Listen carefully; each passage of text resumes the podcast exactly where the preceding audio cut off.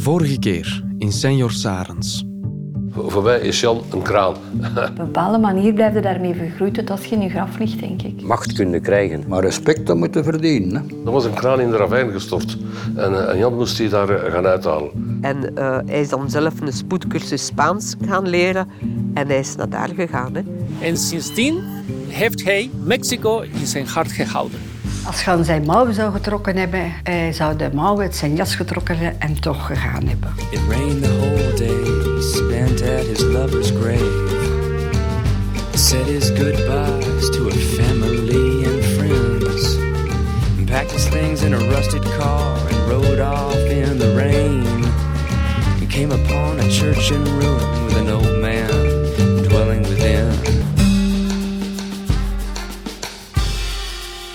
Aflevering 3. Groeten uit het zonnige Mexico. Even recapituleren. Luc en ik zijn in de vorige aflevering, na enkele tegenslagen, Een jaar zeg. eindelijk aangekomen in Mexico.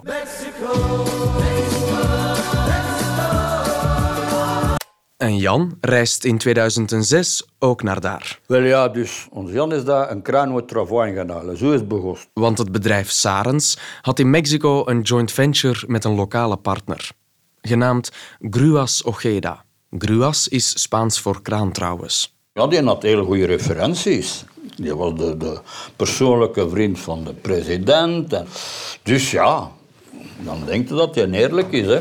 Wat deelt dat dan juist in, die joint venture? Die moesten samenwerken aan projecten dan? Nee, die had dus eh, materieel van Sares. Ja, dat was niet gekregen, dat, dat huurde hij voor een mindere prijs. En hij mocht daar de mee werken doen, met een winstmarge. En, eh, dus ja, dus, like als dat je een auto zou leasen, hè, dus, eh, dan rijd je ermee. Je, je moet elke maand zoveel betalen. Maar als je dat goed doet, heb je er ook winst op. Op die manier krijg je dus kranen geleased van Sares, zeg maar. Hè. En dan was er één in Travijn gereden, een zwaar, een 800 tonner of zoiets. En die, die werd maar niet boven gehaald. Jan werkt als crisismanager voor Sarens. En in situaties als deze wordt Jan dus opgetrommeld. Gewoon om te gaan kijken hoe gaan we dat hier oplossen. Die lag op een hele ongelukkige plaats, vlak tegen het water. En hoe kan het ook anders? Niemand kreeg die eruit, maar Jan heeft die eruit gehaald. Hè. Hoe Jan die kraan er nu juist uithaalde is een heel erg technische zaak. En daar gaan we niet te lang over uitweiden. Ik zie dat er hier een blad papier boven gehaald wordt. Want de Sarensen, gebeten door hun passie, staan erop me uit te leggen hoe Jan dat nu juist geflikt heeft. Hij heeft er daar ook een oplossing voor gevonden. eh, Hij heeft dan met bulldozers een weg laten maken. heeft hem dat gedaan, die wielen weggepakt met die cabine. Dat was kapot. Van op die rivier met een andere kraan. Heeft een heel erop getrokken. En vooraleer ik het goed en wel besef, zit ik in een spoedcursus over kranen. Ja, ik heb verschillende kranen. De eerste RT-kraan is gewoon een kraan op twee panden. De AT-kraan is all-terrain crane. Dat is een kraan die, op de wielen staat en die gemist is in de zwijrbaan. Dat is een RT. Dat is een kraan die eigenlijk... Nee, die kraan gemaakt. Dat is meestal aan gelukkig. Hij heeft hem dat gedaan, die wielen weggepakt met die cabine.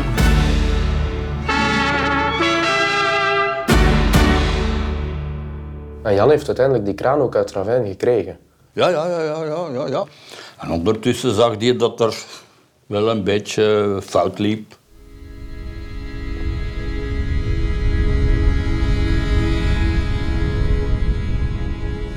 Hij is daar een aantal weken geweest en daar heeft hij dan ja, eigenlijk ontdekt dat, ja, maar dat, dat, spel dat, dat draait je niet als dat moet draaien. Hè. Hier gebeurt van alles dat wij niet weten.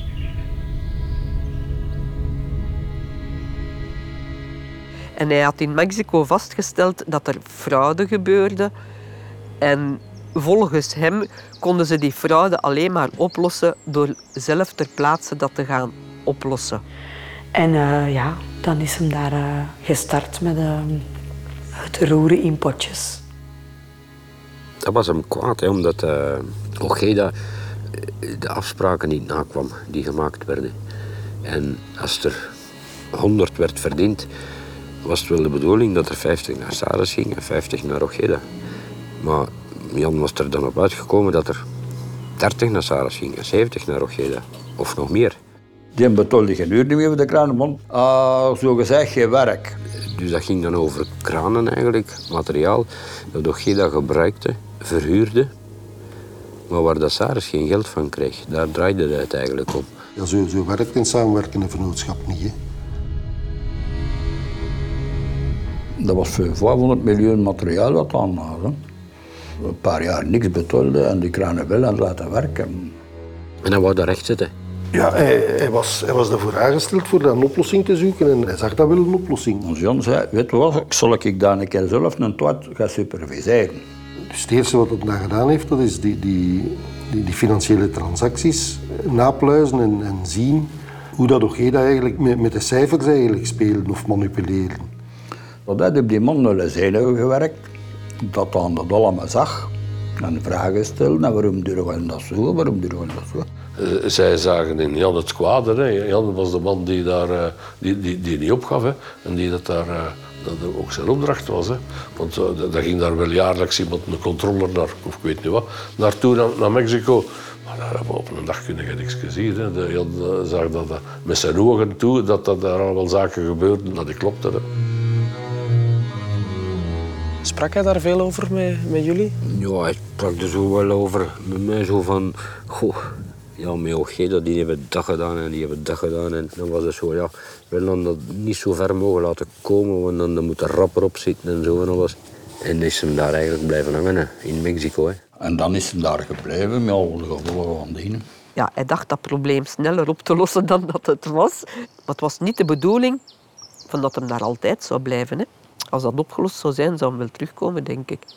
Maar het conflict met de lokale partner sleept dus langer aan, waardoor Jan in Mexico blijft wonen. Wanneer je het in België over Mexico hebt, denken de meesten spontaan terug aan Mexico 86. Daar is hem! Daar is hem! Ik weet zelfs niet wie het is, maar we zijn alweer op weg naar Mexico. Het wereldkampioenschap waar onze Rode Duivels zich tot de verrassing ontpoppen en tot in de halve finales geraken. Om daar al strijdend ten onder te gaan tegen het Argentinië van voetbalgod Diego Armando Maradona. Mooi, bedankt, Diego Maradona. En veel meer dan wat voetbalnostalgie, clichés over sombrero's, cactussen en tequila, weten velen niet over Mexico. De hoofdstad bijvoorbeeld. Mexico-stad. Ligt in een dal op meer dan 2000 meter hoogte. Leo gidst onze rond. En nu zijn we in centrum Mexico City, of wat? Nee, nee.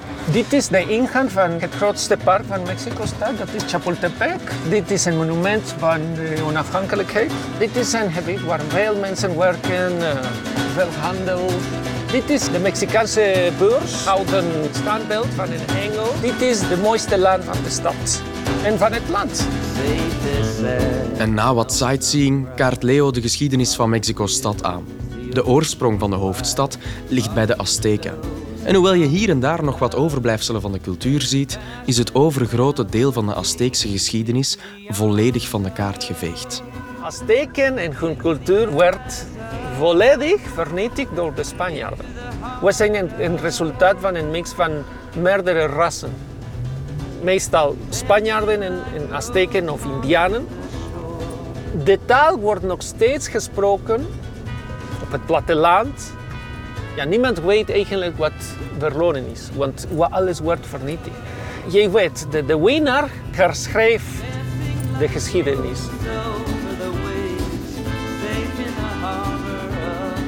Mexico-stad telt zo'n 22 miljoen inwoners. En daarmee staat het op de tiende plaats van de grootste metropolen ter wereld. En zo rond 2006 is een van die miljoenen inwoners Jan. In Mexico-stad, ja, daar woonde hij. En hij zegt, Mexico dat is een goed land, jongen. Zegt, dat is goed weer, dat is een goed klimaat. En de mentaliteit, dat is wel wat anders. Uh, wij denken hier, als ondernemer zijn we dan, uh, hoe gaan we dat morgen doen en overmorgen doen? Maar de Mexicanen die wachten en die zien zondags wat ze gaan doen. Hij kon daar soms ook op vloeken, op die mentaliteit. Want ik weet dat hij in het begin zei van ja, ik moest me daar in het begin hard aan aanpassen. Aan, als je afspreekt met een Mexicaan om negen uur, kan het ook soms tien of elf uur. Allee, de Zuiderse mentaliteit, gelijk als wij Noorderlingen zeggen. Maar op een bepaald moment denk ik dat hij die klik heeft kunnen omdraaien en dat hij zo zat van oké, ja, hier is wat het is. Maar dat kostte hem met die mentaliteit goed doen. Dat kostte hem goed aanpassen. Dat was ook, ja, de chameleon, dat was ongelooflijk. Je moet het kunnen. Maar dat, dat leven dat staat mij daaraan. Zegt, je hebt daar cafés, je hebt daar restaurants, je hebt daar streetfood en zo. Dat sluit erg aan bij onze cultuur. En dan ook dat Zuiderse. Maar bijvoorbeeld die, die drukte in Mexico City, dat is ongelooflijk. Hè? Die, hij trok zich er allemaal niks van aan. Hè? Hij slingerde door dat verkeer. Hij... Maar hij reed ook graag eh, redelijk snel met de wagen. Zo. Die, die auto, daar stonden wielen onder en die moesten rijden. hè. Ik weet het nog, we reden van Mexico City naar Acapulco. En gas geven en gas geven, ja. In ene keer zo wat oranje kleurig blauw licht achter ons ja, aan de kant. Ja, en dat was zo ja, een hele uitleg in Spaans. Ik zeg, ja, mijn stemmen is gewoon, is de beat. Kunnen we weer verder rijden? Allee, toen dat toch kunnen uitpraten en dan ja, in Mexico die mannen zo wat gegeven. Allee, het is in orde, je kunt terugrijden.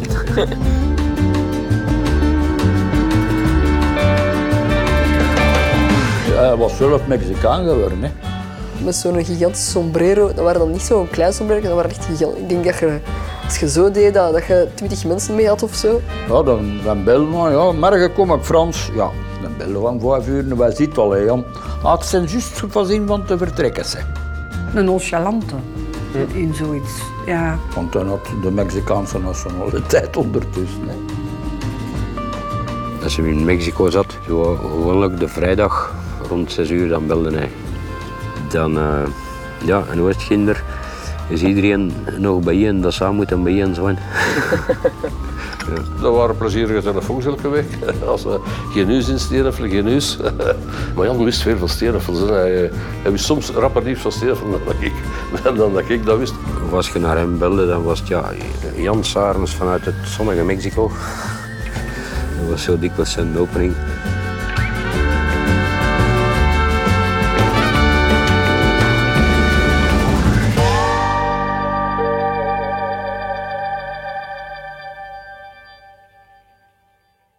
En soms was dat ook wel omdat er een, een decalage, een, ehm, een tijdsverschil was. Dat hij soms op momenten belde ja, dat ik met iets bezig was of dingen. En ik zei, ja, ik bel u wel terug. Hij was zich soms niet bewust van het feit dat het eh, zes uur eh, vroeger was. Dus eh, daar hield hem ook niet altijd rekening mee. En daar heb ik mij ook dan soms schuldig over gevoeld. Dat ik dacht van, shit, had ik nu maar even gewoon wat meer tijd genomen, dan had ik hem nog even gehoord. Of... Maar, ja. Jan houdt niet enkel telefonisch contact. Hij reist sporadisch naar België en krijgt zelf ook vaak bezoek over de vloer. Sinds een aantal jaar gingen we altijd met kerst naar Mexico. Dan reizen we met de drie zussen en partners. En dat was dan twee weken. Tien dagen, twee weken. En dat compenseerde dan eigenlijk hè, het feit dat we hem dan een heel jaar moesten missen. Wij vierden de eerste kerst hier in België. En dan gingen we naar, naar Ginder. Dan vierden we altijd op het strand. Ja, en natuurlijk, zeker in het begin, vonden we dat geweldig om te kunnen zeggen... Gelle onnozelaars, jullie zitten daar in België koud te lijden en wij zijn hier in het strand eh, feest te vieren. Dan vierden we altijd Belgisch nieuwjaar. En dan zoveel uur later eh, Mexicaans nieuwjaar. En ik herinner mij een van de eerste keren dat we dat deden, dat er, eh, de Mexicanen ons moeten aangekeken hebben van... Hebben die al een beetje gedronken of zo? Want die zijn echt zoveel uren te vroeg. Ja, en voor mijn vader was dat altijd zo, ja, de moment dat we dan zo... Ja, ik keek daar altijd keihard naar uit. Ik herinner mij ook een, een moment in Mexico waarop dat wij, denk ik, even een ruzie hadden gehad of zo, of ik weet niet meer wat. Dat klinkt nu heel melancholisch als ik dat nu vertel, maar ja, dat is zo'n beeld dat ik mij zelfs nog voor de geest kan halen. Dat wij op een bepaald moment zo in één keer zeggen van, allee, kom, het is, het is oké, kom. En eh, wij pakten elkaar zo vast, alle, alle drie en ons vader. We konden goed ruzie maken, maar we konden ook goed plezier hebben. Die momenten waren intens. Ja, ik ben daar dankbaar voor. Hoewel dat hem in dat jaar ook wel drie, vier keer per jaar wel, wel afkwam. Maar dat was dat zo... Ja, dat was dat dikwijls bezet door familiefeesten en uh, bezoekjes dat hem dan van hier naar daar moest eh, doen. Of vrienden die hem dan moest gaan bezoeken. Die zijn agenda zat ook wel altijd redelijk vol. Maar dat contact met zijn kameraden en familie, dat was toch wel, wel voor een stuk kwijt. Dat was toch een grote opoffering dat hij dat moeten doen heeft. Zijn opdracht dat hij voor Saras deed, eh, oké. Dat moest zijn zoals het was, maar, hij miste toch het geloop. En Mexico heeft misschien 20 miljoen inwoners, maar dan denkt hij toch... Eigenlijk draagt er toch een stuk eenzaamheid mee. Maar hij was ook gewoon heel veel met zijn werk bezig. Hè.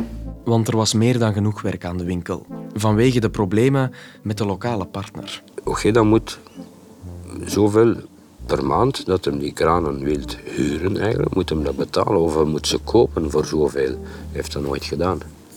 Hij heeft hem misschien één keer betaald en dan was het ook gedaan. Hè. Dus haalt Jan er een advocaat uit België bij. Frank Mortier. Iemand die, net zoals Jan, recht toe recht aan is. Ja, ik ben niet zo- zo'n echt advocatentype. De eerste keer dat ik dan daar kwam, dan, eh, hij houdt graag van auto's. Hè. En hij had dan ook daar een, Mustang. En eh, jij moest er dan, eh, als hij de Mustang weg ben, ik zei, ja, mag ik meehelpen? En dan ik sleutels pakken. En hij verschoot van, hoe kan dat, een advocaat die ook sleutels vasthoudt? Hè. Dus, en, en dat was eigenlijk het begin van onze vriendschap, om eerlijk te zijn. Ja. Het begin van een innige vriendschap. Maar Frank Mortier was er niet alleen voor zijn plezier. half 2006 ja, vraagt een van de vernoten, ja, zou je een keer naar Mexico willen gaan om te kijken wat daar aan de hand is met het probleem dat ze? Ik zeg, ja, geen probleem. Uiteraard wil ik wel een keer in Mexico gaan zien welke problemen ze daar hebben. Eind december heb ik dan een vergadering gehad samen met de vernoot bij Sarens. En ja, hebben ze me het probleem uitgelegd. En Jan kwam binnen, die daar dan al verbleef. En ja, eh, hadden ze een lokaal advocaat aangesteld. En ik moest eigenlijk eh, kijken of die lokale advocaat wel zijn werk goed deed. Ik had toch wel grondige vraagtekens bij de wijze waarop het geschil werd aangepakt.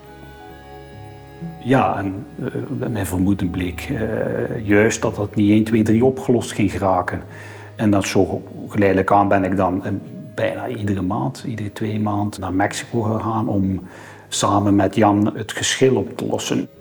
Juridisch was dat uit mijn werk en Jan, die, die eigenlijk dan in 2006 aan de deur is gezet door de lokale partner, fysiek, ja, die moest eigenlijk opnieuw van nul beginnen met activiteiten in Mexico.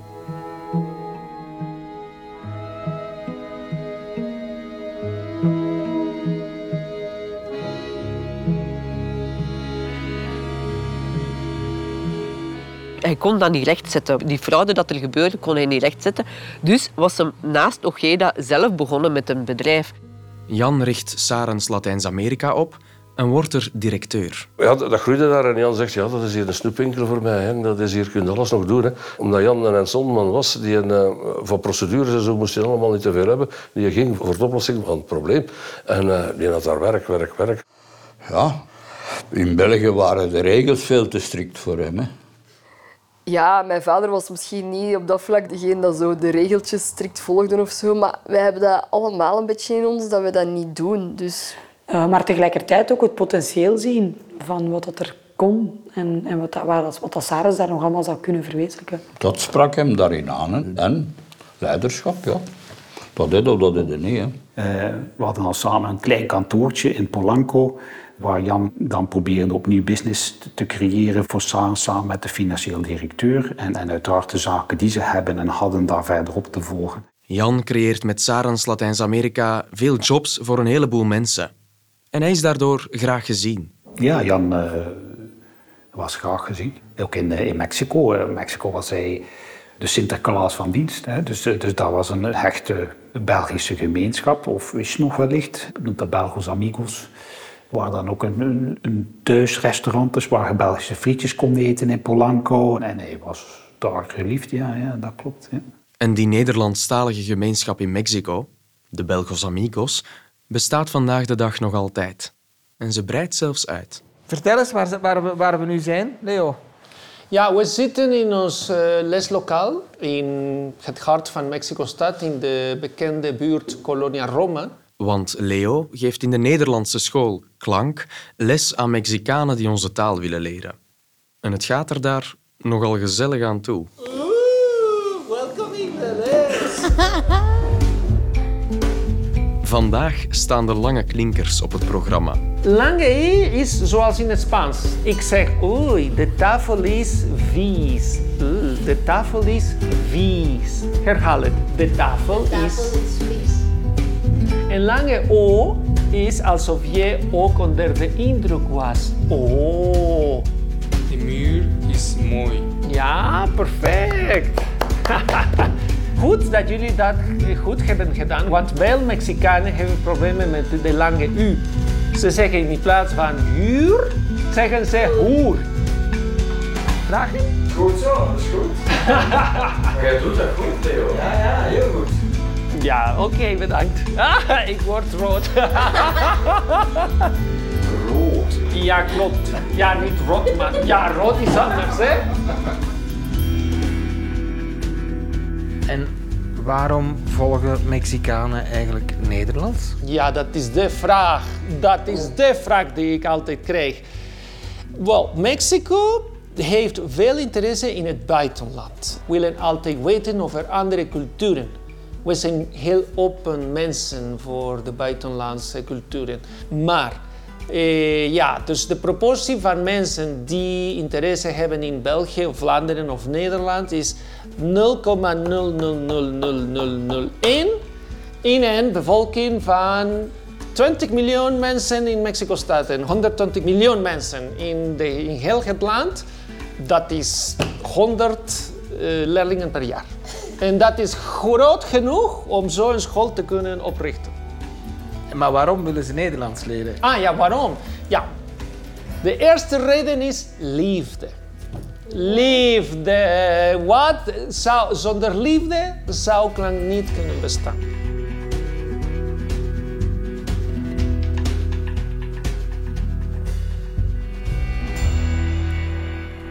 Ja, het is een moment voor een pilsje. En na een welverdiend pilsje toont Leo ons het vroegere appartement van Jan. Al houdt Leo niet echt rekening met het tempo van Luc. Hey man, je gaat echt wel snel. Hoe is, hoe is het trager in het Spaans? Ralentando, denk ik. Tranquilito. Dat is Italiaans. Je hoort gewoon niet. En na een half uurtje wandelen en zeuren komen we aan bij het appartement van Jan. En uh, dit appartement werd gebruikt ook als kantoor. Het was gezellig, het is ruim en het krijgt veel zonlicht. En ik vermoed dat Jan in Mexico is gebleven door de zonlicht dat Mexico kan aanbieden aan iedereen. De ligging is perfect. Dus het zit in het midden tussen het centrum en de buitenkant van de stad. En eh, we zijn hier uh, een paar keer gekomen om ons om te kleden voor het Sinterklaasfeest. Toen was Jan Sinterklaas, ik was Zwarte Piet. We hadden toen een, een warme onthaal van hem. Het was uh, een gezellig tijd, elke december. Het was heel grappig, want hij, hij had veel charisma. Hij had uh, altijd een grote glimlach met zijn auto. En uh, ja, we, we, zaten erachter en iedereen keek naar ons. Ja, want Mexicanen zien twee zwarte pieten en een Sinterklaas en ze zeggen, wat is dit? Een menging tussen de drie koningen en, en Santa Claus? Uh, wat is dat? Maar ja, dus het was heel opvallend, het was heel grappig. Ja, ik kreeg een beetje heimwee, want dan is het geen heimwee. Ik word een beetje droevig. Want uh, ik zou heel graag nog eens met hem praten en, en, en toosten met hem. ja. Hoewel de lokale Sinterklaas van de Belgos Amigos zijn draai vindt in Mexico, zit hij nog met een geschil. Want hoe zat het ook alweer? Hij had in Mexico vastgesteld dat er fraude gebeurde. Ja, zo, zo werkt een samenwerkende vennootschap niet. Hè? Waardoor Sarens de samenwerking met de lokale partner stopzet en ze er een nieuw bedrijf oprichten. Sarens Latijns-Amerika eigenlijk. Maar daarmee is het probleem met de vroegere partner nog niet opgelost. Kort gezegd, de, de Mexicaanse partner ging ervan uit dat uh, de investeringen die Sarens had gedaan in Mexico, dat die van hem waren. Terwijl dat die kranen eigenlijk van Sarens waren. En dat is het conflict dat uitgegroeid is. Hè. De kranen van Sarens worden door Ojeda niet teruggegeven. Maar Sarens laat het daar niet bij en er volgt een rechtszaak. Jan bereidt zich voor. En op een bepaald moment vertelt hem... Uh, ze hebben x aantal kranen en materiaal van de groep Sarens en hij moet dat teruggeven, uh, die Ojeda. En heeft dan in een dag en een nacht allemaal uh, materiaal zitten opschrijven. Uh, zoveel kabels, uh, zoveel achterlichten, zoveel dat, zoveel dat, zoveel dat, zoveel dat. Om daar een inventaris van te maken en dan terug te geven. En dat, dat was Jan. Hij zei, dat zal ik je dat doen als je dat vraagt. En, dan gaan wij ons recht hier hebben. Hè. Maar die rechtszaak sleept aan. En dat is niet bevorderlijk voor de situatie. Want Jan is met Sarans Latijns-Amerika nu een rechtstreekse concurrent. Zijn bedrijf was dan regelrechte concurrentie van Ojeda. Dus, dus hadden ze niet liever dan hem uit de weg te ruimen. Ze hadden niet gedacht dat Jan zo stevig in de schoenen zou gestaan hebben en het zou gekund hebben om daar zelf een bedrijf op te richten naast het bedrijf dat ze eigenlijk eerst hadden overgenomen, maar dat, dat fraudeerde. Dat heeft eigenlijk het conflict tussen Saris en Ojeda, ik ga niet zeggen verergerd, maar toch wel duidelijker gesteld. En bovendien bloeit Sarens Latijns-Amerika nog eens open. Hij, hij, had dat bedrijf dat hij had, dat was uitgegroeid tot een serieus bedrijf. Hij had serieus wat werknemers daar. Hij was graag gezien in de streek waar hij werkte, omdat hij zoveel mensen te werk stelde. Hè. Behalve door Ojeda was hij niet graag gezien, hè. omdat er regelrechte concurrentie was.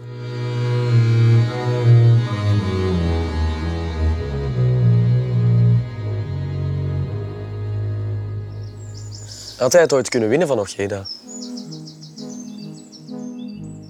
Hij had gewonnen. Allee, hij stond recht in zijn schoenen. Dat, dat is juist het moeilijke. Het is zo corrupt. Als zij zelfs, zelfs met rechtsmensen, zelfs met een advocaat tegen jou werken, ja, dan is het... Dan kun je niet, dan kun je niet winnen, hè. Maar hij dacht dat hij alles kon oplossen.